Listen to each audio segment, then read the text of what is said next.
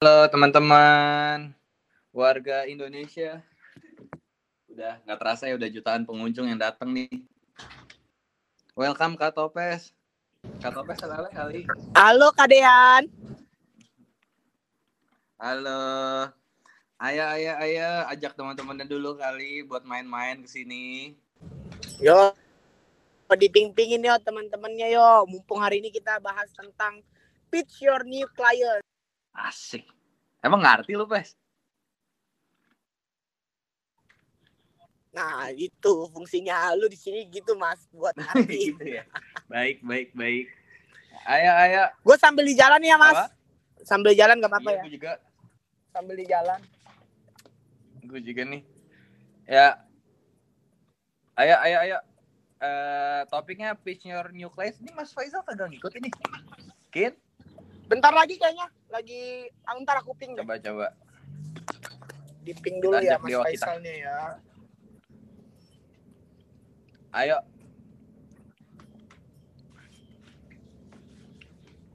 Udah ada di ping. Tinggal nunggu masuk.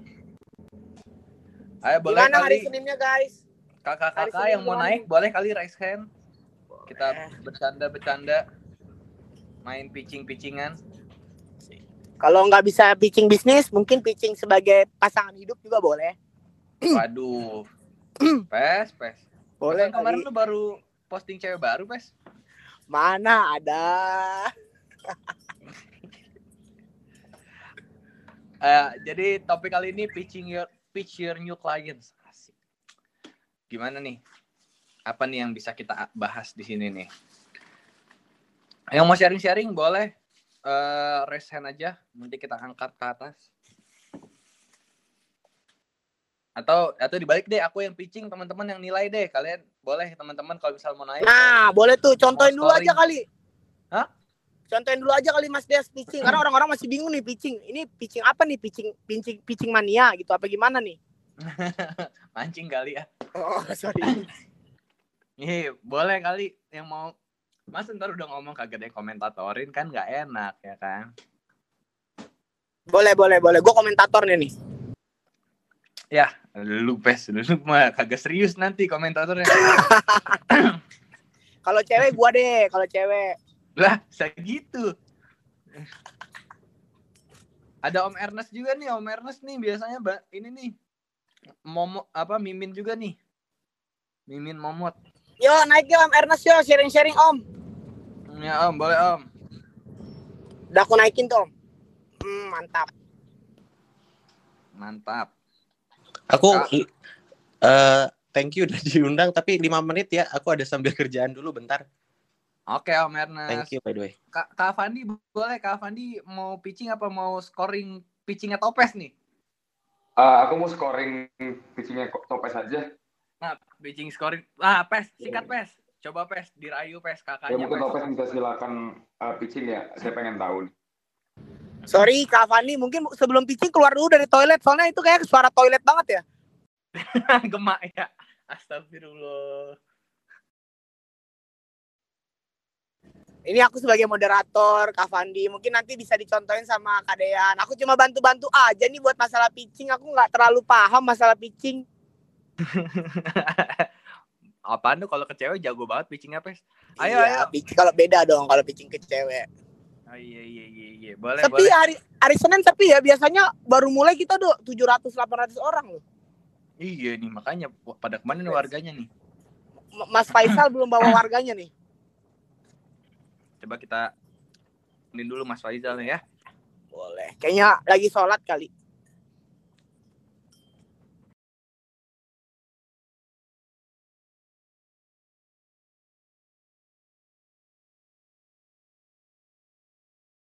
Oke, jadi selamat hari Senin buat teman-teman semua. Selamat beraktivitas dan memulai ini lagi. Jadi hari ini entrepreneurs akan bahas mengenai pitch your new clients gitu. Jadi ini mungkin eh, temanya unik nih kayak kalau teman-teman pernah dengar namanya elevator pitch gitu kan. Nah, apa sih elevator pitch gitu. Jadi kita tuh punya waktu yang sedikit atau singkat, tapi dari waktu yang singkat itu kita bisa memikat hati si klien ini. Nah, itu ada trik-triknya how to pitch mereka, gimana cara kita bisa ngeyakinin dalam waktu uh, yang singkat-singkatnya gitu. Dalam waktu yang pendek ini bisa bisa meyakinkan karena nggak semua orang bisa uh, punya trik kayak gitu. Betul ya Mas Dean ya?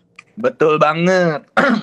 Sebenarnya ini pitch your pitch your new clients nih uh, aku ngin aku ngeimplementasinya di bisnis. Jadi kayak kalau orang-orang pitchnya ke investor, aku nggak pernah pakai investor, makanya aku nggak tahu cara pitching ke investor. Tapi kalau ke klien ya boleh lah, kita sharing-sharing gitu. Yang nggak sih pes? Iya biasanya ke gimana sih? Kalau aku sih lakuinnya ke cewek sih ya, ya. Mas Dean. Jadi ya, aku jadi, jadi susah juga ngasih statement gitu. Beda loh pitching ke cewek sama ke klien. Jadi bingung. Beda judul ya? Beda beda konsep. Oke, ini aku, mungkin aku contohin aja ya. Ini teman-teman kalau mau belajar juga boleh ya. Ini aku juga kalau misalnya salah mau dikoreksi boleh juga nih. Uh, aku pitching pitching apa nih teman-teman ya? Uh, apa ya agensi? Apa apa? Boleh coba agensi Mas Dean, kayaknya bagus tuh. Gue, aduh nggak punya pitch deck lagi. Oke, jadi uh, kasih satu menit ya Pes ya. Aku timerin boleh kali ya? Boleh di timerin aja satu menit tuh biar ada biar bener-bener semenit. Ini ada Kak Fandi nih yang mau scoring. Kalau teman-teman yang mau mau kasih aku skor eh kasih skor ke aku boleh juga naik ke atas. Nanti boleh juga siapa tahu uh, ada masukan silahkan gitu naik boleh naik ya boleh boleh Mas Avandi ini berpengalaman aku, nih dalam elevator pitch nih. Sih, soalnya. karena aku juga public relations juga karena aku PR aku sering pitching ke mana-mana mungkin Popes sebagai orang yang Katanya jago banget soal pitching. Aku pengen tahu juga, pengen belajar jadi sama Bang Topes. Thank you ya, Bang Pes, udah ini masih kata aja Pes. Siapa tahu closing. Masalahnya Fandi ini bukan cewek, jadi susah gitu kan pitchingnya. Ayo Pes, lu dong Pes, lu Pes, lu ceritain tentang uh, agensi TikTok lu Pes. Agensi TikTok ya, oke. Jadi sebenarnya kalau buat pitching ke klien buat media sosial ini yang gue lakuin di media sosial kali ya Mas Dean ya. Iya, iya, boleh, Pes. Nah, kalau di media sosial tuh kita tuh pitchingnya tuh nggak bisa based on mulut doang gitu. Jadi apa sih yang gue lakuin buat ngeyakinin si klien ini buat mau gue handle sosial uh, sosial medianya itu adalah dengan cara ya portofolio gitu. Jadi dari hmm. portofolio itu gue bisa ngeyakinin dia gini loh dan habis itu gue kasih kayak langsung aja uh, kasih dia ide-ide ide-ide konten di tempat. Jadi dia akan ngelihat kualitas kita tuh, wah oh, ini orang bisa bikin konten langsung di depan gua tanpa yang dia harus apa nah kadang-kadang uh, kayak gitu yang bisa ngeyakinin klien jadi contohnya waktu itu gua pernah coba dong coba dong langsung aja praktekin pes nih contohnya kak Avandi nih yang katanya yang mau uh, nilai pitching lu pes boleh pes oke okay, oke okay. uh, Mas Avandi uh, ininya apa uh, ini contohnya dia mau bikin TikTok ya Ya, boleh, boleh. TikTok. Aku berarti handle TikTok agensinya. Contohnya Mas Avandi boleh tahu itunya uh, bidang bergerak di bidang apa? Aku bergerak di dunia pendidikan. Oh, pendidikan. Nah, kebetulan yeah. banget nih di TikTok ini belum ada satu konten kreator atau satu universitas yang bagus yang membahas tentang uh, pendidikan di TikTok. Nah, tapi menurut saran aku sih lebih baik kalau contohnya boleh tahu pendidikannya apa di, di bidang uh, di kampus atau di mana?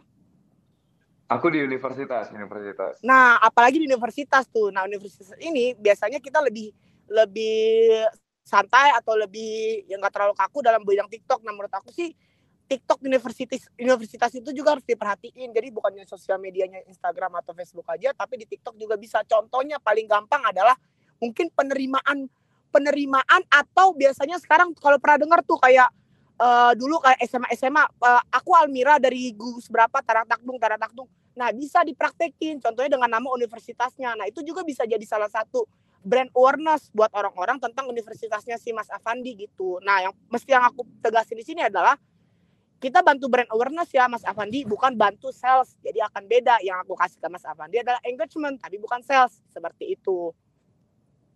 Gitu loh. Gimana gimana Kak Avandi? Tertarik beli?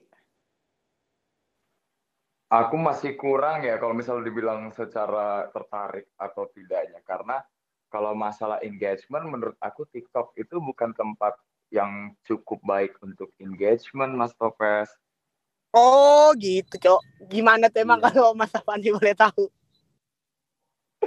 Aduh, gua malah disuruh mikir gua. Kan lu.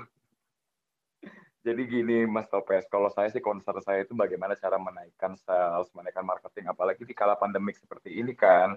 Di kala pandemik ini kan banyak banget universitas yang secara pendaftaran atau kita ngomongnya secara apa ya pendaftaran mahasiswa-mahasiswa itu menurun Mas Topes. Jadi aku lagi nyari cara nih bagaimana caranya universitas aku itu lebih banyak anak-anak yang daftar kayak gitu Mas Topes.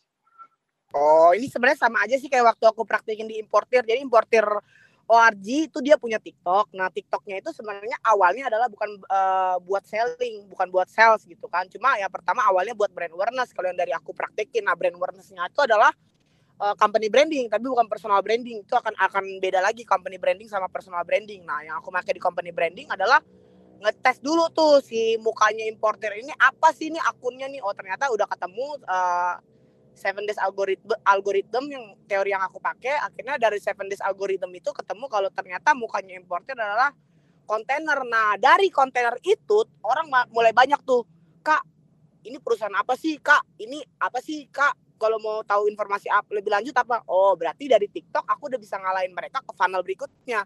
Funnel berikutnya adalah ke website aku. Nah dari website itu biarkan website yang bekerja. Nah cara cara buat website bekerja apa sih? Aku taruh linknya tuh di bio aku. Jadi ketika orang nanya kak aku mau daftar? Kak aku mau gabung?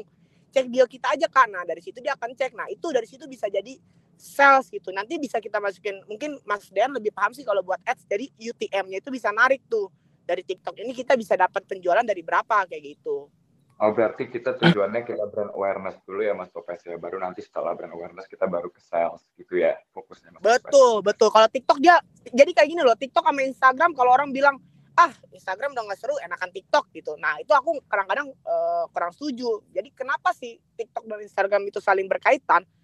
TikTok ini adalah brand awareness-nya, sedangkan Instagram ini adalah portofolionya atau juga bisa kita lihat company profile-nya. Jadi kalau orang zaman dulu orang company profile tuh bawa-bawa udah dicetak lah, habis itu ditaruh lah bukunya di desain sekeren unik. Orang sekarang generasi sekarang nggak butuh company profile, mereka cuma lihat Instagram gitu. Jadi ketika mereka udah serius, jangan jangan suapin ke semua orang itu informasi.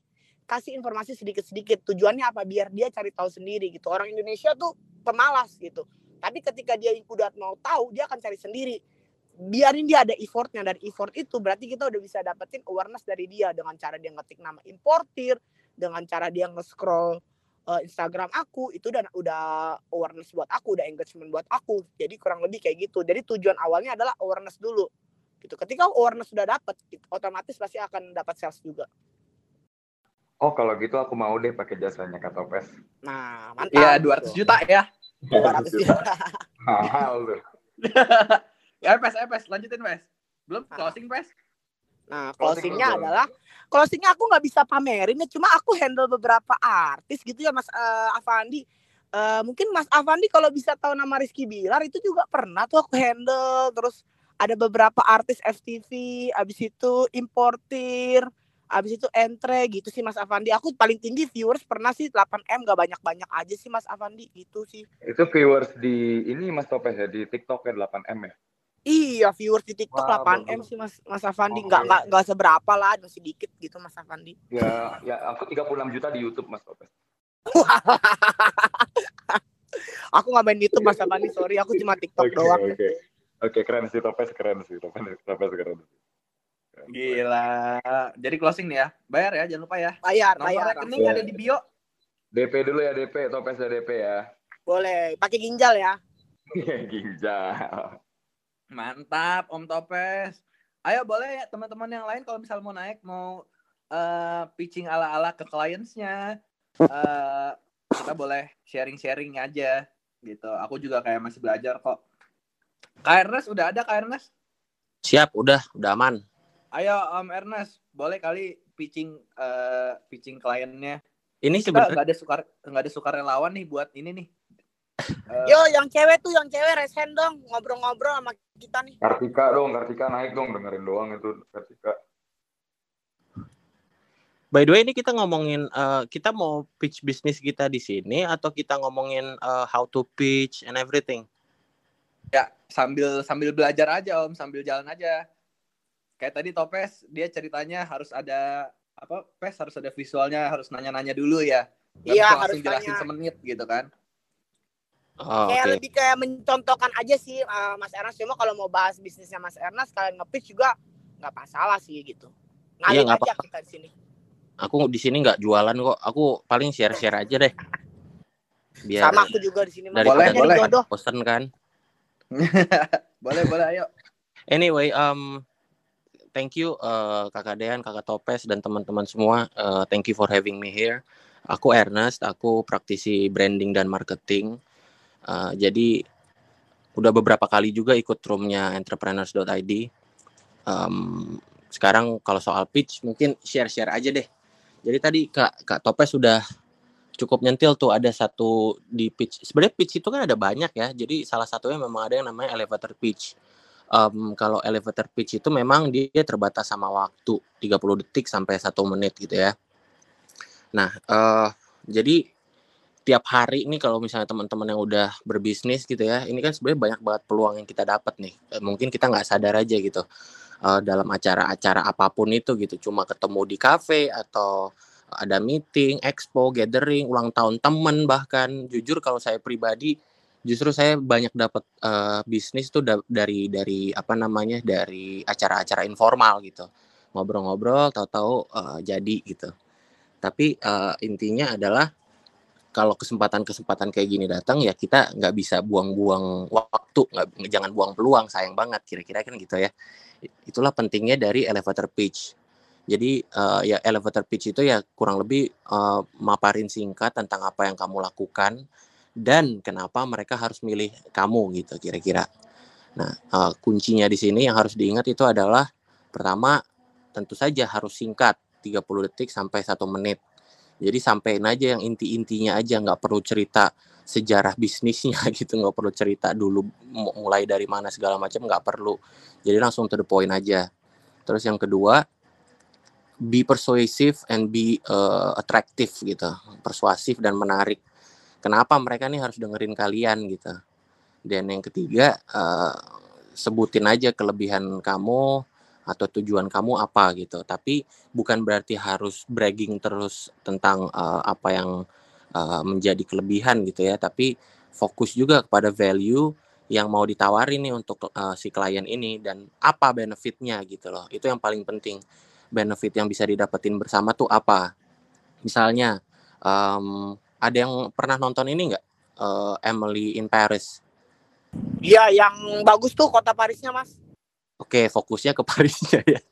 Oke, tapi anyway, jadi eh, Emily in Paris kan itu yang di Netflix itu tentang dunia marketing lah. Jadi si Emily ini dia kerja di mar- marketing agency kurang lebih gitu.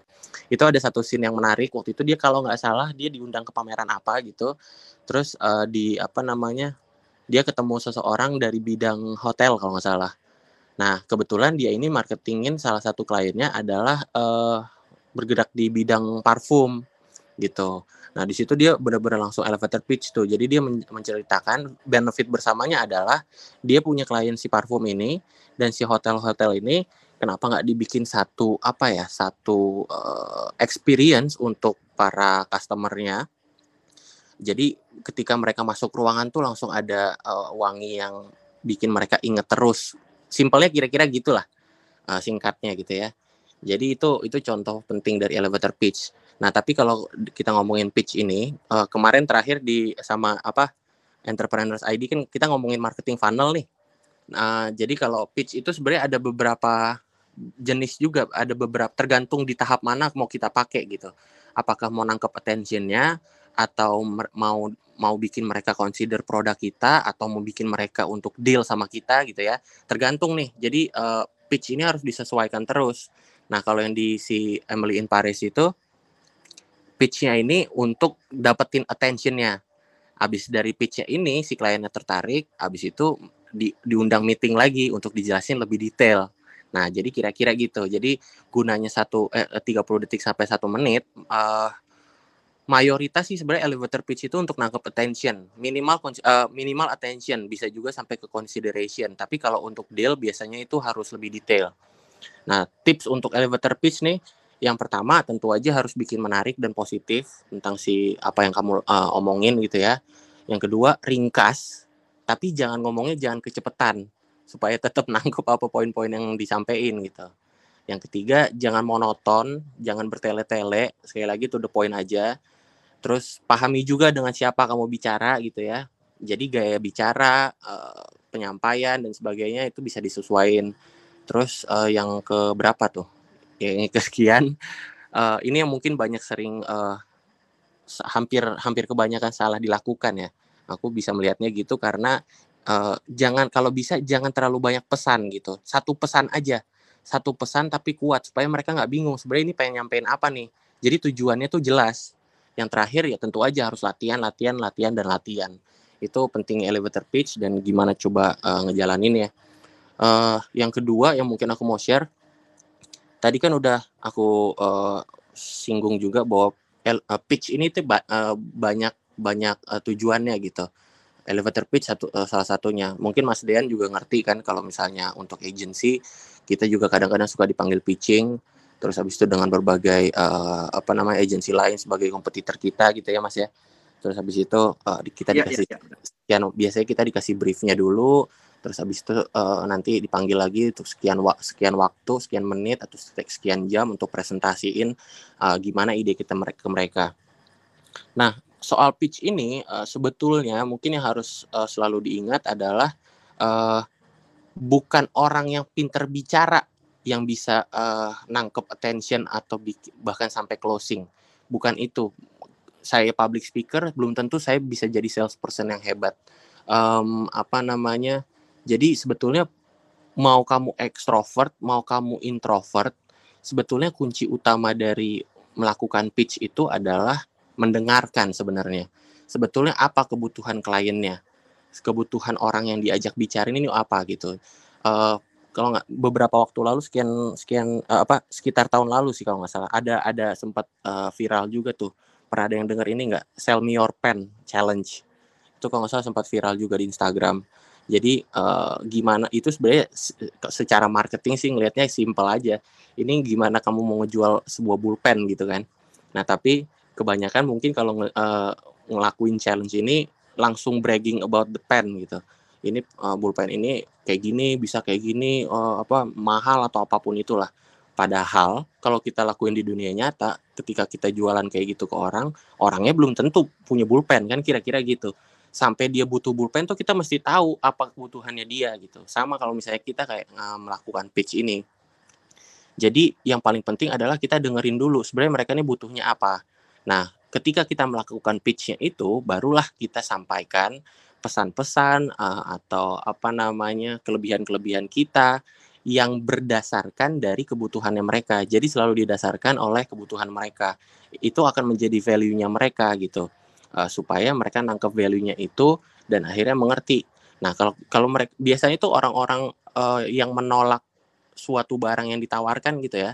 Misalnya ditawarin apa pun itulah jam, bolpen itu pertama pasti ngelihat harganya dulu gitu. Kalau mereka harga ngelihat harganya dulu dan akhirnya menolak dan sebagainya, itu berarti mereka nggak ngelihat value-nya. Jadi itulah simpelnya kenapa kita harus ngerti dulu nih kebutuhan mereka supaya kita bisa ngerti value-nya mereka. Dari situ kita sampai in pitch kita supaya mereka ngerti value-nya mereka bahwa kita ini bisa ngasih solusi loh terhadap masalah lo gitu kira-kira. Jos, mantap Kak Ernest. Keren nih Kak Ernest nih. Uh, daging semua. Bukan main. Amin, makasih. Boleh kali Kak Ernest jualan nih, eh jualan pitching coba latihan pitching mungkin karena ke Kak Avandi nih tadi Topes kan udah karena sekali mau coba gak? Pitching apa tuh?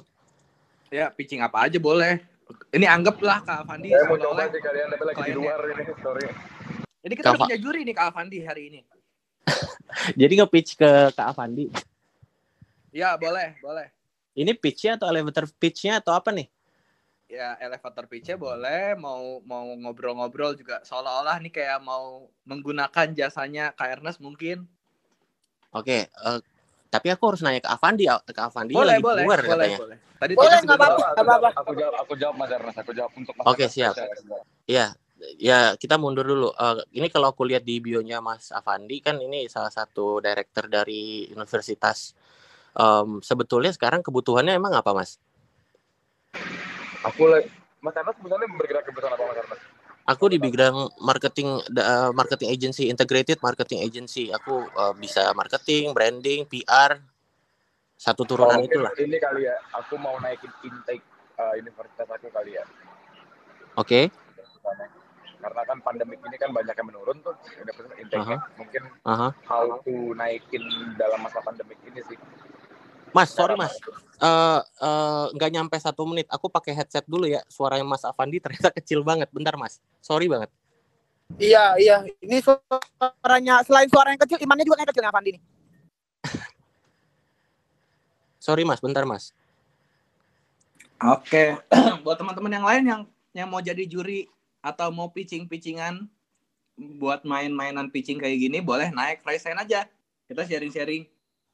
Tadi Kak Avandi ini udah, meskipun Kak Avandi nggak nge-pitching bisnisnya, tapi eh, Kak Avandi ini menilai pitchingnya Topes tadi. Sekarang mau menilai pitchingnya Kak Ernest. Boleh kali teman-teman juga kalau mau naik silahkan raise hand ya. Sekarang ya. Sambil nunggu Kak Ernest nih. Dah, udah ready by the way. Udah, udah ready. Oke. Oke Kak Ernest. Gimana mas? Aku nanya Jadi Mas kan Avandi dulu. Selama pandemi ini tuh eh, intake kampus aku menurun Mas Ernest. Ya, di mana orang-orang banyak yang concernnya kayak kuliah jadi males gitu kan karena pandemi kayak gini. Karena kuliah juga online sekarang. Dan itu how ya Mas aku naikin marketing aku selama pandemi ini. Gitu Mas Ernest. Oke, kalau kita ngomongin pandemi kan berarti ini eh, mayoritas harus dilakuin dilakuin secara online. Nah ini channel-channel yang di- udah dipakai Mas Avandi, kalau boleh tahu apa aja nih? Aku masih, aku udah coba digital ads sih kayak ads business, FB ads, aku udah coba Instagram ads, aku udah coba juga pakai SEM, SEO, tapi impact-nya nggak besar mas ke kita. Oke, eh, balik lagi kalau misalnya kita ngomonginnya tadi yang pertama itu eh bahwa mungkin ini sekarang kalau secara marketing funnel kan Mas Avandi masih di tahap attention ya untuk narik attention. Eh, nanti sebenarnya itu tadi kalau misalnya mau sampai closing dan sebagainya strateginya harus beda-beda lagi. Nah, udah pakai SEO, PAds dan sebagainya, biasanya mereka diarahin ke mana? Kita biasanya langsung arahin ke website kita sih mas, langsung arahin ke main website kita, kita kita udah bikin landing page, yang mana landing page itu kita udah langsung jelasin semua jurusan, kita udah jelasin semua fasilitas, baru nanti ada pendaftaran di situ mas. Gitu. Dari orang-orang yang udah ngeliat website itu ada tim yang habis itu apa namanya istilahnya ya? Ada tim yang eh, take care lagi nggak? Kayak mungkin kontak orangnya dan sebagainya.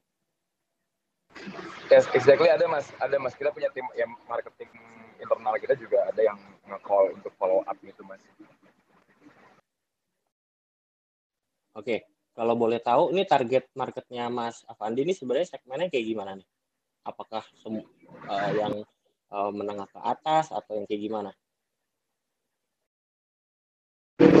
Untuk target sih, kali kita ada menengah ke atas mas, menengah ke atas dan juga khususnya Jabodetabek ya, karena kita kan ada di Jakarta Pusat, kita kan di segitiga emas Jakarta juga. Jadi mas target. Mas sorry yang terakhir kurang kedengeran Mas Kita, oke, ini ada lagi ada azan juga nih, sorry. Jadi oh uh, iya iya nggak apa-apa. target kita ada target kita tuh adalah BKA dan Jabodetabek mas karena gitu. Oke, mungkin udah em, selain tadi eh, PH dan sebagainya, udah ada akun Instagramnya dan sebagainya. Apa mas Ernest gak kedengeran, sorry. Oh, ini tadi kan udah pakai eh, digital marketingnya lah, PH terus SEO gitu ya. Tapi kalau untuk eh, sosial medianya udah punya belum? Sudah mas, kita sudah pakai. Sekarang kita hanya fokus di Facebook, di Instagram, sama line ads sih. Kita cuma pakai tiga itu mas. Oke, dari dari Instagram dulu deh. Dari Instagram biasanya kalau mis, eh, udah ngepost sesuatu, eh, udah ada call to action-nya belum? Kalau Instagram kita lebih fokus ke uh, brand awareness ya. Jadi belum ada call to action untuk pendaftaran sih. Nah itu yang saya bingungin sekarang. Gimana caranya nge-sales lewat Instagram tapi lewat organic content mas. Oke, kalau aku boleh saran, ini karena Mas Dean, Mas Topes ini kalau dilanjutin bisa panjang. Dan yang kedua, aku, aku harus riset dulu, tapi aku kasih tips gratis dulu nih. Coba pakai Instagram, Mas Avandi, bikin satu konten yang menarik dan sebagainya. Tapi mulai coba dikencengin untuk call to action-nya. Jadi misalnya hubungi kami sekarang, atau misalnya uh, tag link di bawah ini dan sebagainya gitu ya. Untuk untuk ngejar tergantung ter- uh, kebutuhannya si Mas Avandi. Nah, kalau lewat Instagram aku saranin uh, jangan ke website justru karena kalau selama ini ternyata lewat website itu kurang berfungsi coba untuk arahin ke tempat lain nah, kalau Instagram aku aku saranin coba uh, ke, ke DM nah dari DM habis itu nanti ada tim yang uh, apa namanya handle-nya harus benar juga gitu. Uh, nanti dibahas uh, sedemikian rupa kalau misalnya mereka udah tertarik. Tapi nanti kalau untuk closing aku saranin coba arahin untuk virtual meeting lewat Zoom misalnya karena uh, lebih personal. Terus dari situ juga bisa ngejelasinnya lebih jelas. Mungkin itu yang bisa aku share dulu kali mas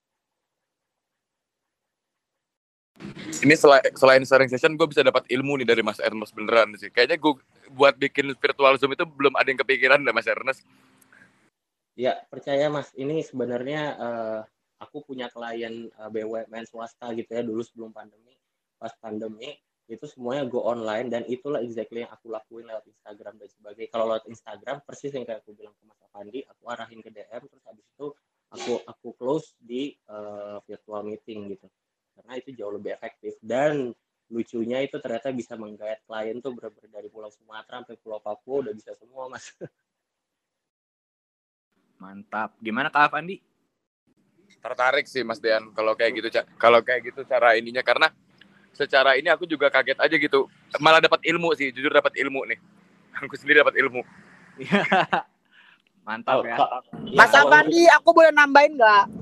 Boleh Mas Topes silakan boleh. Mas Avandi sebenarnya tuh ada contoh bagus tau dari universitas ini aku based on real kenyataan aja ya Mas Avandi pernah dengar nama LSPR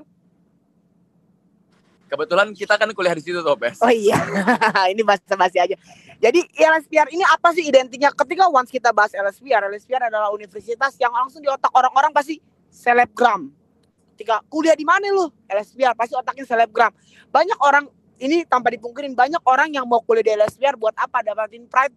Wih, gue kuliah di universitas di mana orang-orang selebgram nongkrong atau kuliah. Nah, sekarang coba deh pakai training gimana? Coba. Gue nggak tahu ya mas. Uh, lu mau brandingnya gimana? Entah lu pakai uh, kasih beasiswa ke orang-orang yang uh, seleb TikTok buat kuliah di Bakri atau bisa bisa aja uh, undanglah tiktokers tiktokers buat mereka bikin bikin tiktoknya di Bakri aja yuk. Gue bikinin tempat yuk biar estetik itu bisa jadi tempat alasan orang simple. Ah gue mau kuliah di Bakri aja tiktoker banyak tiktoker sana gue bisa jadi siapa tahu gue bisa jadi seleb tiktok. Ini kan spot-spot mereka bikin TikTok itu kadang-kadang faktor orang tuh receh sih cuma lucu gitu karena itu kejadian juga di LSPR gitu. Jadi PR-nya LSPR pintar banget mereka jadiin LSPR sebagai tempatnya selebgram mereka kasih beasiswa ke selebgram selebgram gitu. Jadi orang-orang di luar sana efeknya adalah orang-orang mau kuliah di LSPR uh, eh, biar dianggap sebagai orang yang kuliah di tempat universitas selebgram gitu loh Mas Afandi Mas Afandi aku boleh nambahin dikit boleh boleh Mas Ernest. Ya, jadi uh, balik lagi kalau dari tadi uh, problem-problemnya Mas Avandi itu, jadi sebenarnya mungkin itu juga masih kadang kadang-kadang uh, agak uh, apa bilangnya ya, ya agak disalahpahami sama orang gitu. Ketika kita udah ngelakuin uh, digital marketing gitu ya dengan SEO, PS, content marketing dan sebagainya, itu tuh pahami dulu bahwa itu mungkin cuma untuk nge-grab attention doang. Makanya itulah pentingnya kalau misalnya kita udah let's say SEO aja atau SEM itu kita harus punya landing page yang jelas gitu dan dan memang untuk landing page ini akan akan kita arahin ke tahap selanjutnya di marketing funnel untuk closing dan sebagainya dan biasanya terutama kalau di target marketnya Mas Avandi ya uh, untuk menengah ke atas tuh biasanya mereka butuh yang lebih personal. Kalau misalnya kita ngomongin yang uh, menengah ke bawah itu mungkin bisa bisa dengan promo-promo dan sebagainya kan. Tapi kalau menengah ke atas tuh mereka butuh yang sesuatu yang lebih personal yang lebih emosional. Jadi itulah pentingnya punya landing page dan timnya Mas Avandi itu harus tahu gimana nge mereka gitu loh. Jadi supaya uh, apa namanya ketika nanti ada uh, sales call atau apa pun itu mereka juga tahu nih gimana cara nge-close-nya gitu sih Mas. Jadi jangan cuma ber, bergantung sama si uh, SEO, SEM uh, Instagram dan sebagainya itu harus diterusin terus sampai di tahap uh, closing di marketing funnel gitu sih mas. Oke, itu alhamdulillah udah aku lakuin semua sih mas Ernest. Jadi ini kan cuma pura-puranya aja gitu. Siap, mantap. Ini mantap mas ya. Jos, ya gitu. Jadi uh, itu contohnya pitch your uh, pitch your new clients. Tadi Mas Ernest metodenya adalah nanyain pertanyaan yang oke okay banget sih menurutku Mas Ernest. Jadi kayak uh, tanyain dulu masalahnya apaan, dia lagi butuhnya apaan karena percuma kita semacam ini ya Mas Dean riset dadakan ya. Iya, percuma percuma kita pitching tapi orangnya nggak butuh. Kalau kata Mas Ernest nggak nggak perlu. Aku juga setuju sama hal itu gitu. Nih, kalau ada teman-teman lain mau nanya-nanya, mau ngobrol-ngobrol ke atas boleh juga ya, raise hand ya. Nanti uh, kita sama-sama belajar tentang pitching-pitchingan ini. Gitu. Ada lagi, ada lagi? Kalau nggak ada, aku tutup nih ya. Yo, raise hand yo. aku mau pitching-pitching tapi bosen lah Mas Avandi. Udah ngobrol mulu. Yang lain dong. Ayo, ayo. Siapa, siapa? Kita Van, tapi panggi pakai tuh Van itu uh, jadi Bakri sebagai tempat universitas seleb TikTok bisa aja tuh Van bagus tuh. Gue udah bikin perencanaan sih pes untuk itu. Jadi gue pengen bikin semacam ada udah ada beberapa uh, selebgram selebgram sama seleb TikTok yang gue perhatiin nih. Ada jenjang kuliahnya nggak? Atau yang baru-baru nih? Itu udah gue targetin emang mau gue kasih beasiswa. Tapi ya underground gitu aja. Jadi karena gak adil kan ibarat cuma karena mereka punya impact awareness punya followers mereka dapat beasiswa. Sebenarnya gak adil buat orang-orang yang punya prestasi gitu sih. Jadi dibagi dua di di LSPR kan juga ada yang buat ya, selebgram ada yang buat punya prestasi ada. Jadi di, memang dibagi aja gitu. Karena tujuannya anak-anak selebgram ini buat marketing buat marketing kampus bukan tujuannya bukan buat prestasi kampus gitu sih. Betul. Jadi kita dapat free engagement gitu loh. And by the way LSPR kampus selebgram itu kalau nggak salah yang bikin kita loh pes. Iya iya itu oh, buat ma maaf. yang branding. Bukan kalian yang rusak ya? Iya, jadi dari demo, dari demo yang LSP pertama demo, demo itu kita berdua. yang bikin yel-yel, aku yang ngevideoin dan gue yang nge-share. Dan yang terjadi adalah ke blow up dari LSPR kampus selebgram. Orang-orang langsung nganggap itu. dibayar dong, Pes? Nggak dibayar, ya. cuma nama kita Boro-boro dibayar. Boro-boro dibayar. Ada banyak yang kritik juga. Kok jadi begini ya? Kan itu free engagement dari kita sebenarnya. Harusnya kita dikasih beasiswa. Malah kita kena surat peringatan dari kampus loh waktu itu. Yoi. Sebenarnya eh, yang yang yang Mas Avandi bilang itu satu pelajaran bagus banget loh itu. Bahwa kita sebenarnya kalau punya bisnis apa pun itu jangan sembarangan ngikutin strategi orang, harus disesuaikan juga sama kita, terutama impact-nya sama kita secara branding gitu. Jangan sampai amit-amit jadi ngerusak gitu. Kalau pakai selebgram atau apa namanya endorser atau apa pun itu gitu ya itu harus dilihat juga backgroundnya dan sebagainya jangan sampai ternyata follower yang nggak sesuai sama kita atau misalnya ternyata si orang ini gaya hidupnya nggak sesuai sama value kampusnya Mas Avandi tadi ceritanya gitu Iya, yeah, that's why kalaupun memang dikasih beasiswa mereka harus underground sih nggak boleh ketahuan kalau mereka di beasiswain. Jadi pasti kita perlu juga mas karena contohnya kasarnya ada satu orang yang menjadi target aku sama aku kebetulan kan ngurusin PR juga. Jadi PR kita itu jadi bener-bener ada satu orang yang bener-bener jadi target kita. Contohnya kayak Keanu tuh. Keanu tuh kan kalau secara mulut nyablak negatif gitu kita ngomong kasarnya ya. Dia tuh mulutnya sering ngomong kata-kata kasar. Tapi secara ini dia fun. Dan dia secara engagement dia gede banget. That's why uh, kita ngelihatnya juga ini. Kita ngelihatnya juga sisi orangnya kayak gimana sih. Gitu. Iya ayo mantap nih uh, eh, LSBR apa tadi? Bakri ya? Mas Afandi ya? Ya Bakri.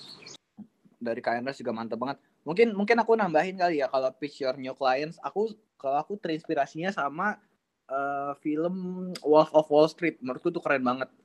Jadi di film itu tuh kayak ngejelasin banget pitching uh, nawarin stocks, nawarin saham ke orang yang kagak ngerti saham. Keren banget menurutku tuh top tuh. Dari situ dari situ benar-benar bisa di closingin dan ada adegan yang di mana intonasinya kena terus nadanya enak terus si Jordan Belfort juga udah tahu banget kebutuhan orang apa. Uh, di situ tuh kayak tergambarkan banget pitching tuh kayak gitu tuh. Jadi lewat telepon doang lewat telepon. Tanpa ada portofolio tanpa ada uh, visual tapi dia tetap bisa closingin orang gitu. Kalau misalnya teman-teman mau belajar boleh tuh nonton vid- film itu tuh Joss tuh. Ini kalau ada kalau ada teman-teman lain yang mau naik boleh juga dong ngobrol dong ayo dong. Yo sharing-sharing aja uh, bisnisnya apa nanti coba kita saling bertukar pikiran gitu. Iya bisnisnya apa? Atau atau orang yang nggak punya bisnis juga nggak apa-apa deh. Aku mau coba jualan ke orang yang nggak punya bisnis boleh nggak nih? Sukarelawan boleh dong satu dong naik dong Kalau bisa cewek kali ya. ih Oh, Pes. beda prospeknya Topes. Oh iya, sorry. boleh siapa aja ayo yang mau naik aku mau jual sesuatu ke teman-teman yang yang ini deh yang menurut teman-teman mungkin nggak butuh tapi siapa tahu teman-teman butuh ayo satu sukarelawan boleh raise hand ada nih raise hand mana mas Buat, buat. nah kak Newin Halo. halo kak Newin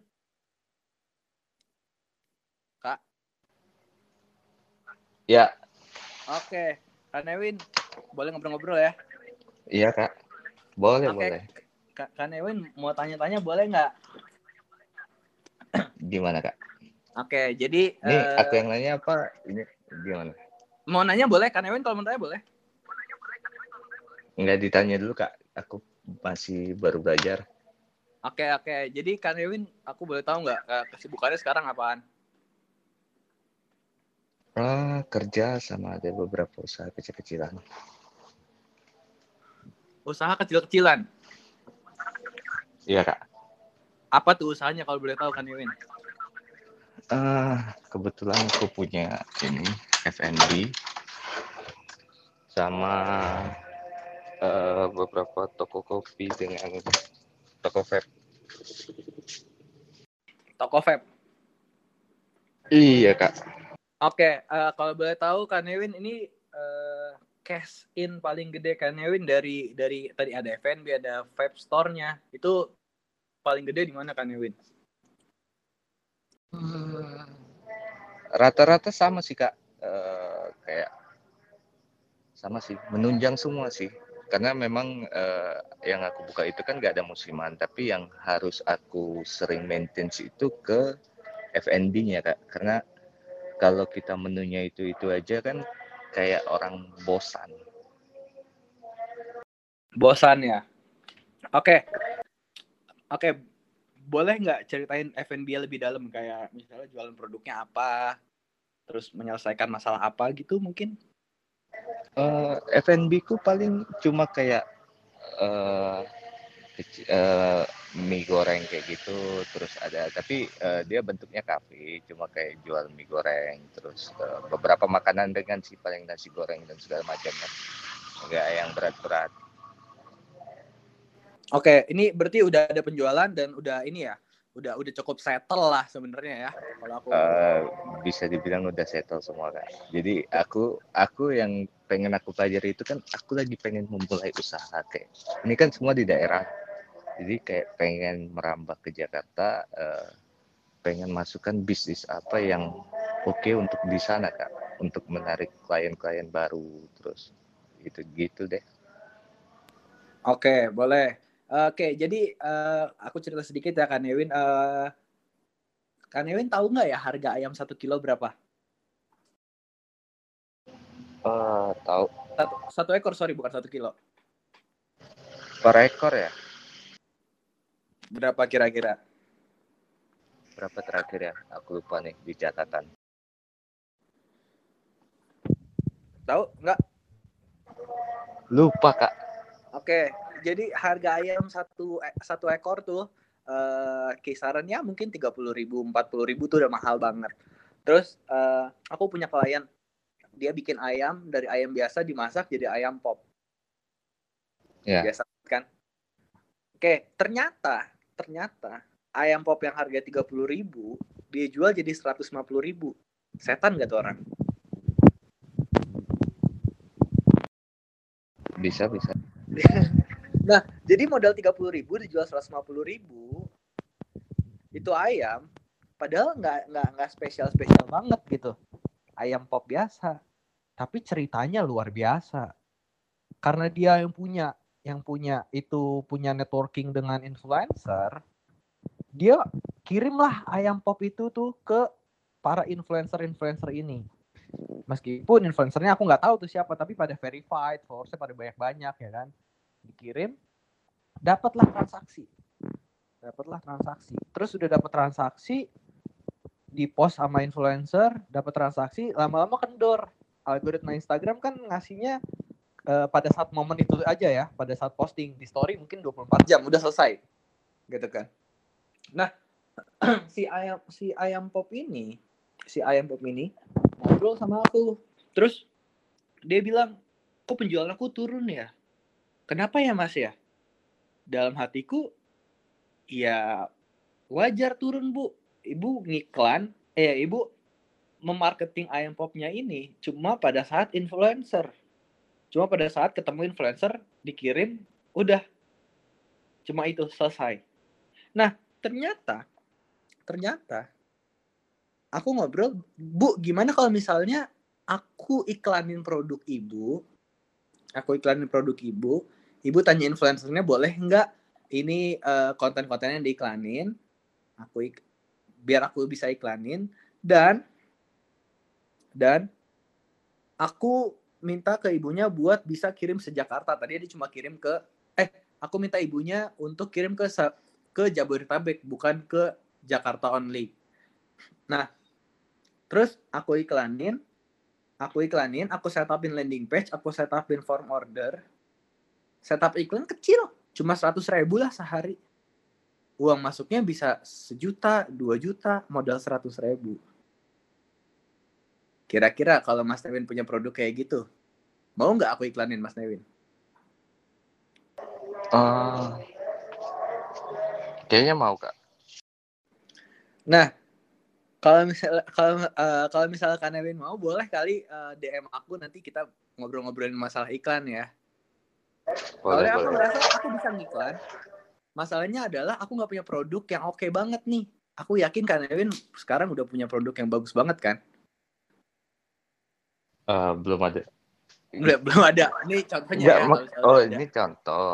Eh, contoh kan. Eh, gue kirain eh, punya brand sendiri. Iya, kalau misalnya udah ada brandnya. Gitu. Jadi Tapi gini kak, aku mau tanya nih. Jadi kayak aku kan kepikiran eh, selama ini kan banyak eh, kayak di mall-mall atau segala macam itu kan jual kayak Thai tea ataupun es teh, kopi kan itu mulai marak. Tapi nggak tahu Ya. di Jakarta udah ada belum kayak store eh, kayak apa ya kayak Thai tea, si boba atau segala macamnya itu yang cuma eh, satu petak di dalam mall, eh, tapi dia jual es tebu. ada deh kayaknya banyak. Udah mulai banyak ya di sana. Mm-mm. Oh. Tapi boleh aja kalau mau dicoba. Siapa kan peluang ya kan. Mm, karena eh, ada beberapa eh, yang aku tahu ada salah satu orang Jambi buka, tapi kayak pinggir jalan kayak gitu. Cuma dia kayak punya berapa ratus eh, tebu gitu, tapi itu ngasilnya di situ. Maksud aku kalau dipindahkan ke mall, terus kita buat varian kayak eh, tebu campur bubble ataupun tebu campur madu itu menarik ya kalau kayak gitu kak. Kalau kayak gitu menarik atau enggak sebenarnya aku kan dari sisi kacamata advertiser ya. Iya. Kalau kalau kayak gitu menarik atau enggak tergantung dari bagaimana marketingnya. Mau jualannya di mana nih? Mau masuk mall apa mau pinggir jalan? Atau mau online? Berarti peran vital tetap di brandingnya ya. Iya dong, tetap brand story-nya menurutku. Ngefek Itu sih. itu yang lebih signifikan. Gitu. Nah, ngomongin brand story, ini ini aku karena aku punya digital agency ya. Aku ngelihat banyak banget business owner yang punya banyak banget brand yang sebenarnya tuh keren banget. Tapi masalahnya adalah brand tersebut tidak mem- tidak bisa memonetize tidak bisa memonetize eh, value-nya. Jadi orang-orang tuh nggak nganggep itu sesuatu hal yang biasa, yang keren gitu. Nah, agensiku ngerubah brand tersebut, ngerubah brand tersebut yang tadinya kelihatannya biasa aja dengan iklan kayak seolah-olah tuh kacamata orang tuh keren nih, top nih, aku harus beli nih, gitu. Jadi itu balik lagi kalau aku lebih fokus ke brand story-nya dan bagaimana kita bisa menjangkau banyak orang. Masalah produk kayak tadi eh, apa namanya? tebu yang mau dimodelin di mall di pinggir jalan eh, dan semacamnya balik lagi bisnisnya mau dicoba jalanin kayak gitu atau enggak gitu. Dan nggak namanya bisnis nggak ada kepastian ya. Nggak ada yang nggak ada yang kayak udah nih gue buka usaha langsung auto kaya. Eh, kalau aku mau kayak gitu juga boleh sih ajarin kalau ada caranya yang kayak gitu. Gitu gitu Mas Nevin Kak, itu salah satu temanku naikin deh Danux ya. Itu eh, salah satu orang di Jambi yang pintar nge-branding barang kayak eh, dia buat eh, pomade eh, merek eh, tapi lebih lanjut biar dia cerita deh Kak. boleh boleh ayo siapa namanya Danux ya, boleh naik dong siapa siapa namanya Danux ya Kak. Danukse Ya. Ayo Kak Danukse mari Ya, halo. teman-teman yang lain kalau mau naik boleh ya halo Kak Danukse Iya kak. Ayo gimana boleh ceritain bisnisnya mau pitching new client nih coba jualan ke topes mungkin boleh Oh iya iya iya. Jadi kak, aku nih ada pomade. Jualan pomade awalnya. Terus eh kemarin sempat ini juga kan. eh gak ada badan pomnya. Emang terkendala di badan pom kan. Ya. Terus akhirnya aku coba manufaktur kemarin. Ternyata pas manufaktur aku coba endorse endorse dong. Endorse ke sini, endorse ke sini. Ternyata pas makin ke sini kayaknya musimnya udah mulai habis sekarang. Itu dia. Iya. apes dong terus Iya. Lumayan apa sih?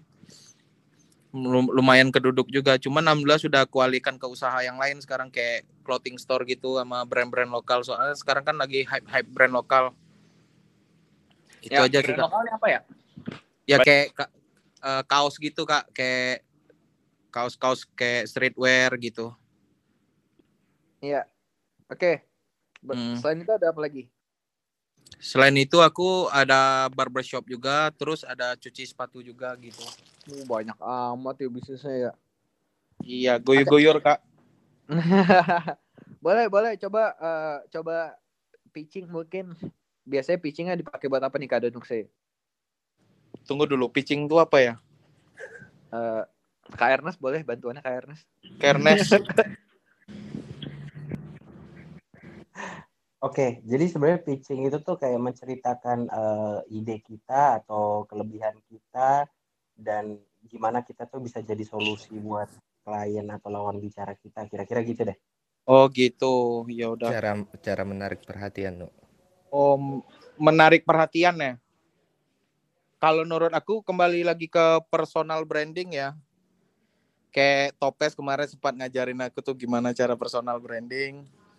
Terus eh, Avandi juga ya Topes. Ya, Mas Danu, thank you, thank you. Aduh, Topes tuh guru saya juga tuh Mas. Dia Oh, banyak mantap. ngajarin. Iya. Oh, Terus kalau kalau misalnya aku kan bergeraknya awalnya sih di, di jasa ya, jasa kayak barbershop itu emang dipentingin personal branding. Jadi gimana ka- kamu dengan konsumen itu punya keterikatan atau emosional yang sama lah gitu. Jadi aku caranya itu dengan kayak eh, hobi ngelucu, ngelawak, terus bikin konten-konten yang bisa bikin refresh lah gitu. Kayak aku misalnya eh, kalau di konten Instagram aku kayak main panahan. Terus pas panahan ternyata nggak tepat sasaran gitu. Ternyata banyak yang suka juga yang kayak itu. Kayak Topes kemarin sempat mau privat ya Topes Iya, aku sampai terpesona tuh ngeliat Instagramnya ternyata wah udah langsung dipraktekin nih personal brandingnya. Sama Mas Iya. Kalau- ngeliat cowok lu nggak bisa nahan ya PS ya. Ya itu kalau kalau barber aku selama ini aku pakai kayak gitu. Aku terapin juga ke tim aku. Misalnya ada beberapa tim ya kamu harus sering update gitu. Kamu harus tunjukin skill skill kamu di mana. Misalnya kamu pintar nyukur ya kamu tunjukin hasil karya cukur kamu gitu kayak misalnya eh, motong yang kayak sekarang kan lagi hype tuh potongan kayak Korea Korea kayak itu ya kayak two block terus curtain terus koma hair gitu. Dan istilahnya kalau di barber itu selain personal brand edukasi juga harus tahu gitu. Jadi gimana kita ke konsumen itu bisa nggak miskomunikasi gitu. Kebanyakan kalau usaha barber ini kan banyak orang yang tutup gitu ya. Usaha sudah buka barber ternyata tutup. Ternyata Iya. itu setelah aku riset lagi orangnya lebih mentingin ini duit profit daripada uh, konsumennya pelayanan konsumennya gitu. Kayak kemarin kami uh, kita itu di Jambi itu lumayan terimpact lah. Sampai konsumen itu nggak mau cukur rambut gitu. Nggak mau cukur rambut uh, terpaksa dia gini beli mesin cukur rambut Shopee gitu. Terus aku ngeriset lagi gimana caranya orang ini tetap datang terus ya aku terapin protokol kesehatan kayak gitu. Terus aku yeah, yeah. aku ajakin juga tuh teman-teman aku eh karyawan aku terus kamu pakai kayak plastik aja kalau nyukur gitu. Terus pakai disinfektan. Terus sebelum nyukur bisa pakai sarung tangan gitu. Atau pakai masker gitu. Itu sih yang sampai sekarang aku bisa masih bisa bertahan lah gitu. Di saat pandemi. Jadi kebanyakan barber kan banyak nih misalnya ada beberapa orang buka cabang terus tutup karena masalah pandemi. Uh, yeah. Ternyata selain uh, yang aku lihat juga kita harus punya save money. Belajar dari keadaan sekarang ini emang kita harus punya save money gimana untuk beberapa bulan ke depan tuh kita bisa nyimpan duit gitu. Gak gak ter, jangan terlalu ambisi. Jadi aku belajar kemarin itu gimana kita jangan terlalu ambisi buka usaha, buka cabang gitu. Ini naik terus buka cabang lagi, ini naik buka cabang lagi. Kalau menurut aku emang harus diperhitungkan masak-masak sih. Istilahnya itu emang harus matang gitu perhitungannya. Jangan sampai salah salah ini lagi. Salah konsep gitu. Terus kalau di barber juga kan uh, pembagian persen itu biasa kalau tempat cukur rambut aku itu satu per, per kepala itu ada yang 80 ribu, ada yang 55 ribu. Sekarang kan aku ada dua cabang. Ya. Uh, kalau jasa, kalau menurut aku yang bagus itu emang kalau ke tim kita itu 25% atau 30%. Jadi misalnya uh, kita punya tim, kebanyakan kalau orang yang jasa ini merasa dia punya keahlian, dia minta presentasinya gede gitu. Misalnya ada beberapa tukang cukur dari Garut atau apa, ya aku pengennya gede loh presentasinya gitu. Tapi uh, di lapangan itu nggak bisa sebesar itu gitu. Misalnya dia orangnya ada yang minta 60% atau 50%. Tapi kalau di jasa kalau menurut aku paling tinggi itu ya 30% atau 25%. Jadi kalau aku di uh, selama aku pakai sistem kayak gitu itu yang paling aman. Kalau misalnya kita pakai sistem jasa. Usahanya 20% di bidang jasa. Apa ya? 25% itu apa ya? Sorry. 25% itu ke tim kita, Mas. Jadi oh, kita kan uh, yang 75% itu owner. Nah, owner yang ah. punya usaha itu harus 70% kalau di bidang jasa ya. Tapi iya, owner iya. itu harus mendalami ilmunya, Mas. Nah, jadi misal ilmu skill nyukurnya gitu. Misalnya uh, harus ngerti cukur nyukur rambut dengan yang sekarang tuh kan uh, kayak kurten, terus koma hair, terus tublok, terus uh, sudah tublok terus ada yang fat fat itu kan, ada yang kosong. Ada high fat, mid fat, low fat gitu kalau dari skill cukur rambut kayak gitu terus aku dapat ilmu barber itu ku konsepin lagi ke kayak cuci sepatu mas. Jadi jasa itu emang solusi terbaik itu ya bagi presentasi gitu. Bagi bagi presentasi jangan sampai persennya gede. Kalau aku mentoknya sih di, di 25 persen sih mas. Sampai 30 persen gitu. Karena kita nggak tahu nih ada biaya dadakan misalnya. Ada mesin yang rusak terus ada kontrak toko yang habis gitu kalau di jasa, kalau menurut aku perhitungan pas, perhitungannya sih dari 70, 70 udah paling maksimal itu. Atau yang paling jasanya pun bisa eh, yang karya eh, tim kita itu dari 25% sampai 30%. Itu sih Mas. Kalau produk aku baru ini lagi Mas. Kemarin kan dulu aku mainnya pomade nih. Aku buat sendiri di rumah uh, makin ke sini kan penjualannya tuh bagus. Itu 2016. Uh, penjualan bagus. Itu dia aku coba coba bikin produk itu aku bepomin, Mas. Ternyata sebelum aku bepomin udah dipanggil sampai ke Polda. Apes banget kamu ya. Iya, aku ya gimana Mas kita UMKM kan? Hmm. Ya aku nggak nyangka juga bisa sampai ke Polda. Emang itu struggle sih titik aku yang benar-benar aku di mana usaha itu emang paling downnya itu 2017 Jadi 2017 aku dipanggil ke Polda itu ke Krimsus. Uh, nyelesain itu masalah uh, ini Badan POM, perlindungan konsumen. Pasal berapa gitu. Uh, Alhamdulillah clear setelah itu karena aku emang uh, aku jelasin aku mau prosesnya mau ke Badan POM. Akhirnya baru manufaktur aku sama PT CD Vindo kalau nggak salah. Iya, CD Vindo di Bekasi, Rawamangun. Nah, jadi ada beberapa produk pomade kayak Smith juga ada di sana, terus ada Barber's pomade, sama pomade aku juga ada di sana. Makin ke sini ternyata inovasi itu emang harus cepat mas gitu. Dan aku pun kayaknya sekarang nih uh, kalau di produk aku sudah kualikan semua kayak pomade aku sudah kualikan ke clothing store semua. Gitu. Apesnya aku itu kalau di usaha itu kemarin aku sudah ngerasain sih gimana rasanya kita jualan pomade sampai dilaporin sampai ke Polda gitu. Itu yang laporin juga kompetitor sih. Setelah aku usut-usut ya, aku tanya satu-satu siapa yang ngelaporin semuanya. Itu sih uh, yang aku udah rasain di dalam usaha gitu. Gitu mas. Mantap, gila pengusaha sejati. Iya, itu aku waktu itu per uh, lakunya itu sampai 3000 kaleng per bulan pomade. Uh, mantap. Jadi aku da dari barang dari Jakarta kirim ke Jambi, dari Jambi langsung lagi kirim ke Jakarta lagi. Jadi ada ada beberapa orang aku temuin, terus aku ke rumah dia, aku lihat kamarnya kan. Oh ternyata banyak ayat-ayat ayat Al-Quran, kayaknya orang ini jujur nih. Ku titip lah pomen aku di situ. 500 kaleng, 500 kaleng. Terus kayak ada beberapa orang kayak Uki, nah, dia megang yang Pekanbaru, jadi aku sistemnya kemarin sistem percaya aja mas. Mungkin aku hoki ya. Hoki sih kalau menurut aku. Jadi aku aku aku coba titipin. Aku titipin produk pomade aku. Eh laris hoki gitu. Alhamdulillah sekarang sudah dapat udah bisa buka barbershop, udah bisa buka clothing store, udah buka cuci sepatu juga. Itu sih. Amin. Oke, mantap nih Om Dagnus Danukse. Iya, Danukse. Top nih. Keren nih Mas Danu. Uh, merinding aku dengar ceritanya, Mas. Aku satu bisnis aja capek loh. Ini Om Danu. Aku awalnya banget. capek juga, Mas, karena aku ini dari kecil dibiasain kayak aku kan uh, orang tuaku emang basicnya ini uh, kebun ya.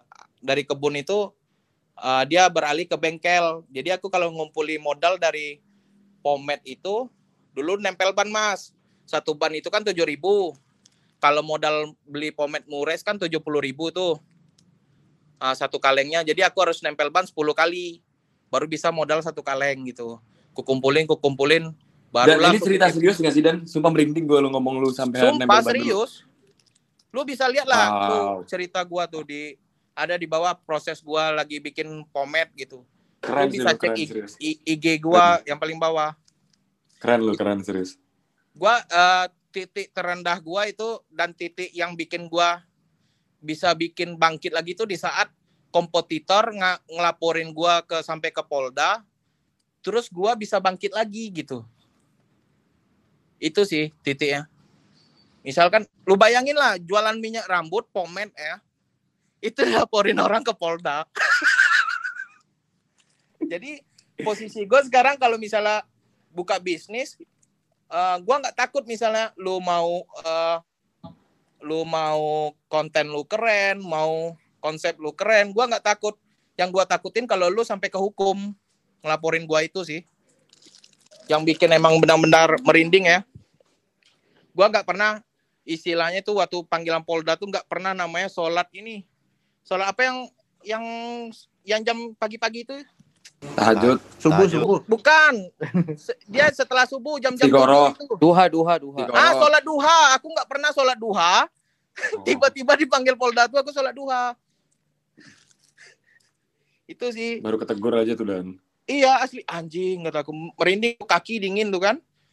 Uh, orang tua aku baru meninggal dalam waktu satu bulan. Jadi satu bulan orang tua aku meninggal, aku langsung dipanggil ke Polda. Jadi 2017 itu emang titik terendah aku dan istilahnya itu aku belajar juga di saat kamu dapat uang banyak Di saat kamu dapat rezeki yang banyak, siap-siaplah ada ujian. Tapi di, beruntunglah kamu di saat ada kamu kamu merasakan ujian. Nah, kalau aku kayak gitu, aku berpikir setiap dapat rezeki banyak, aku mulai berpikir, apa ya ujian selanjutnya? Apa ya ujian selanjutnya? Itu yang aku pikirin terus. Tapi kalau di saat aku pusing, mendapatkan ujian tiap hari, aku malah bersyukur. Wah, ini kayaknya aman nih, settle. Cuman kalau di saat aku dapat duit, boom, dapat duit banyak. Aku merasakan, waduh, ujian terberat nih kayaknya nih. Sampai kemarin ada aku pernah ngurusin hak kekayaan intelektual haki di Kuningan. Masalah paten merek aku, aku kan nama produk aku bos ya, BOS. Itu sama dengan bos ini, bos parfum. Itu kelasnya kelas 24 kalau nggak salah aku, kelas kosmetik pokoknya. Jadi sama itu kan, waduh aku bingung. Di situlah titik aku gimana, aku orang Jambi, aku nggak tahu mau nanya dengan siapa. Terus aku lihat ini ada kayak orang yang ngurus-ngurusi kayak pakangnya gitulah. Pakangnya masalah produk itu. Aku temuin dia ngobrol, dia minta sejuta setengah atau apa. Eh ya satu juta setengah kalau nggak salah. Dulu kan paten merek satu merek satu juta ya. Kalau sekarang kan udah dua juta tuh. Nah itulah aku ngobrol sama dia, bang tolonglah urus merek aku nih. Ternyata emang nggak bisa. Ada yang make. Jadi penyebutan produk gua itu BOOS kalau dia itu BOSS, Hugo Boss kan? Nah, di situlah titiknya. Karena penyebutan nama itu sama. Nah, setelah aku aku coba riset lagi, pas ke atas, ternyata bisa.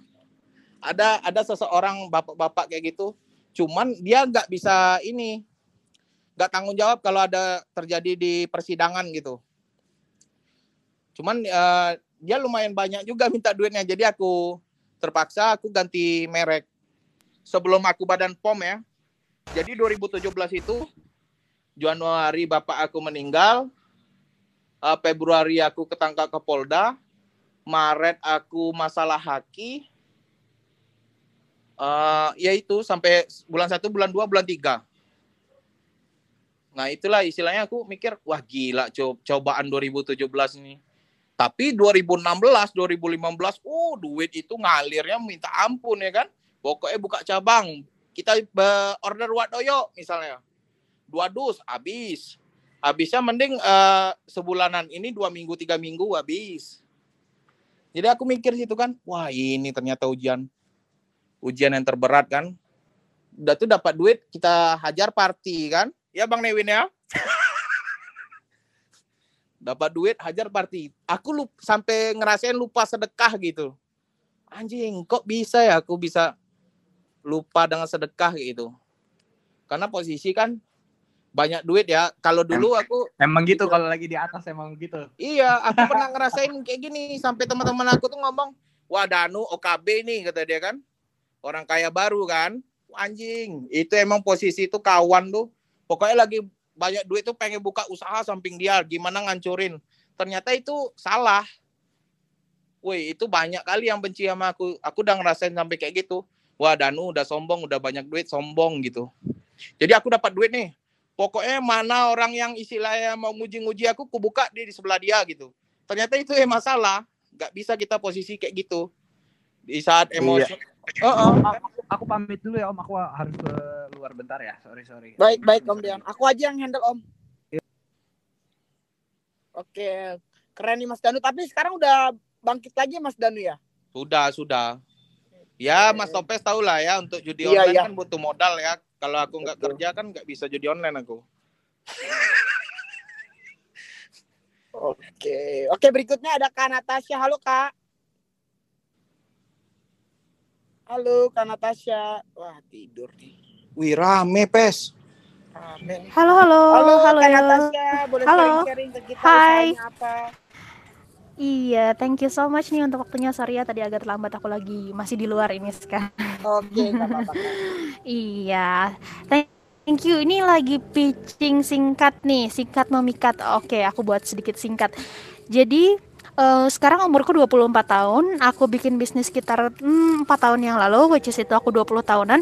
Aku bergerak di bidang F&B, tepatnya dessert box. Jadi keunikan dessert box aku tuh crunchy and creamy. Biasanya kalau kita nyobain dessert tuh kan soft, uh, creamy gitu. Nah, Black for Happiness ini tuh punya tekstur cake yang renyah, Kak. Nah, selain itu juga kita namanya kan Black for Happiness selain kita memberikan representasi cake yang unik, yang kekinian, kita juga punya representasi kebahagiaan Kak dari situ. Selain dari rasa, dari tekstur, juga kita ada activity kebahagiaannya juga. Salah satunya sharing gitu, charity gitu, kayak activity kayak kita pernah kolaborasi juga sama HGLA House, kayak fashion lokal brand gitu di Bandung uh, ngadain activity lukisan, terus ada Black for Happiness untuk merepresentasikan kebahagiaannya itu. Gitu mungkin ya, singkat sekali. Wow. Cukup iya. memikat atau tidak nih? Memikat banget nih. Jadi kalau Oh, aku ya? pesen gimana kak? Kalau mau mesen eh, di Bandung tuh ada aku udah ada tiga tempat di Antapani, di Jalan Progo dan di Jalan di Pati Ukur. Bisa menggunakan GrabFood, GoFood, bisa juga dine in. Kita ada dine in collaboration di Jalan Progo nomor 34 namanya di sama-sama.kolektif. Dan dine in collaboration yang kedua kita ada di coffee shop miluyu.bandung Instagramnya. Gitu. Jadi teman-teman yang lagi di Bandung boleh banget nih cobain dessert box yang punya ciri khas yang unik yang alhamdulillah sustain terus berjalan terus belum pernah nih. Alhamdulillah belum pernah tutup. Covid pun kita masih sustain alhamdulillah. Jadi ayo orang Bandung mana aja nih? Cobain dessert box black for happiness. Gitu di situ kak. Buat nyobain Di Jakarta belum ada nih kak. di Jakarta kita nih. di Jakarta sebenarnya kita pernah ada eh, mitra. Mitra dia menyimpan chiller gitu terus kita eh, bukain GoFood buat mereka tapi gara-gara pandemi akhirnya keputusannya kita offin dulu untuk di Jakarta. Mungkin someday setelah kondisi ini sedikit membaik eh, kita bakalan ke sana juga sih ke Jakarta karena belum pernah ada nih dessert box yang ngasih sensasi unik dari rasanya pun unik kak ada empat varian rasa ada choco malty ada charcoal cheese ada matcha cinnamon sama ada peach mango jadi eh, variasi rasa di lidahnya tuh belum pernah ditemuin di dessert di dessert box mana pun gitu teksturnya juga krenyes krenyes gitu deh Wah, gila. Aku baru dengar Gitu. kata-katanya. Kata Pis. tertarik nih. Udah tertarik. boleh. Eh, boleh datang ke Instagram aku. Di situ ada Instagram aku ntar ada Instagramnya juga Black for Happiness underscore ns boleh di follow kali aja main ke Bandung jangan lupa ntar kita janjian nih teman-teman clubhouse boleh, boleh nih. Ntar kalau teman-teman ke Bandung bisa lang- langsung tuh kontakkan Natasha tuh buat kita nongkrong di sana nih. By the way, Bulan Bapak. Topes tertarik sama produknya, Bapak sama kata Natasianya? Produknya dong, Mas Afandi. aduh Oke. aduh aduh aduh, aduh. di sini ada FNB juga nggak kak tadi sorry banget aku baru masuk nih FNB beda-beda. beda-beda sih. I see. Sebenarnya juga aku masih newbie, masih anak-anak nih di FNB, masih pemula gitu. Jadi dulu aku bikin bisnis itu waktu aku masih semester 5. Kuliah aku itu di jurusan Tata Kota Wilayah, Teknik Planologi di ITENAS Bandung. Tapi eh, dari semester 5 udah berani alhamdulillahnya dikasih keberanian buat bikin bisnis di bidang F&B karena passion juga berlanjut seneng nih mengulik-ngulik bisnis gitu. Ah ternyata gini ya bikin branding gitu. Kayak amati tiru dan modifikasi pada saat umur aku 20-an tuh eh, sangat bikin aku interest gitu kak. Ngelihat bisnis-bisnis lain gitu. Aku coba analisis. Ah ternyata ini ya melihat peluang tuh gitu dulu tuh eh, aku pada se- seumuran segitu aku belum banyak tahu nih tentang media-media mencari informasi atau ilmu tentang bisnis kak. Nah sekarang aku tuh ngepoin banget nih entrepreneurs. Banyak belajar juga dari bisnis aku yang sekarang masih berjalan tuh. Salah satunya aku sangat belajar dari entrepreneurs.id kak Ini thank you Gitu. banget. Kak Natasha, sekarang kan kita udah ada eh, Enterprise ID Bandung. Mungkin nanti kapan-kapan kalau kita mau bikin kayak seminar di Bandung atau sharing-sharing session di Bandung, kita boleh kontakkan Natasha kali ya. Boleh, boleh Kak. Dengan senang hati aku pengen banget nih dapat relasi yang sama di bidang yang sama juga gitu, di bidang bisnis juga karena kalau aku melihat teman-teman aku apalagi aku kuliahnya di teknik, sebenarnya masih sangat jarang hampir bisa kehitung jari mungkin di angkatan aku yang memang fokus untuk menjalankan bisnis. Nah, jadi aku tuh sangat interest buka peluang, buka relasi baru sama teman-teman yang memang interestnya sama gitu kak. Jadi aku sangat semangat banget nih kalau di Bandung nanti bakalan ada sharing session ketemu sama teman-teman juga gitu. Thank you loh. Iya sama-sama Kak Nasinta karena kita juga baru dua bulanan lah di Bandung gitu gabung sama importir. Jadi hmm ya ya kita ya mau ya, ya. fokusin juga di, di Bandung karena kan Bandung banyak banget usaha UMKM ya. Betul, Jadi banyak banget. support. dan sebenarnya Bandung tuh banyak anak muda kreatif juga kak yang bikin bisnis betul. Dan Iya. unik-unik gitu loh idenya. Kayak ih gak kepikiran gitu. Di Jakarta aja orang-orang gak kepikiran. Kok di Bandung ada ya gitu kepikiran gitu sih. Karena gini sih kalau aku lihat Bandung tuh penuh dengan memori kuliner yang indah-indah sih kak. Makanya ke ke aku pun berawal dari aku tuh cinta banget sama kulineran seneng banget jalan-jalan. Selain itu juga di rumah aku emang seneng ngulik produk.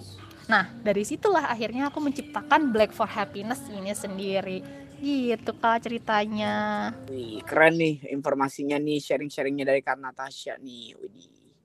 Oke, jadi topik teman-teman semua kita tadi baru bahas eh, pitch the your new clients. Jadi kayak gimana sih kita tadi kita bahasnya lebih kayak elevator pitch sih. Jadi kayak gimana kayak kalian tahu kan teman-teman kayak elevator atau enggak lift itu kan bentar tuh naiknya. Nah, dari dari bentar itu biasanya orang menggunakan waktu yang sesingkat itu untuk meyakinkan klien untuk menggunakan misi eh, jasa atau produk dia. Nah, itu biasanya disebut nama elevator pitch gitu. Cuman sebenarnya dalam dalam pitching sendiri itu ada tiga biasanya elevator pitch itu dia sekitar 30 sampai satu menit gitu. Cuma nggak semua orang menggunakan elevator pitch, ada juga yang menggunakan competitive pitch itu di mana 2 sampai 35 menit gitu. Dan paling tinggi biasanya investor pitch itu di sampai 20 sampai 30 menit. Jadi eh, te- tergantung teman-teman. Kalau teman-teman nyamannya di elevator pitch oke gitu. Dia gimana sih cara memikat dalam waktu satu menit?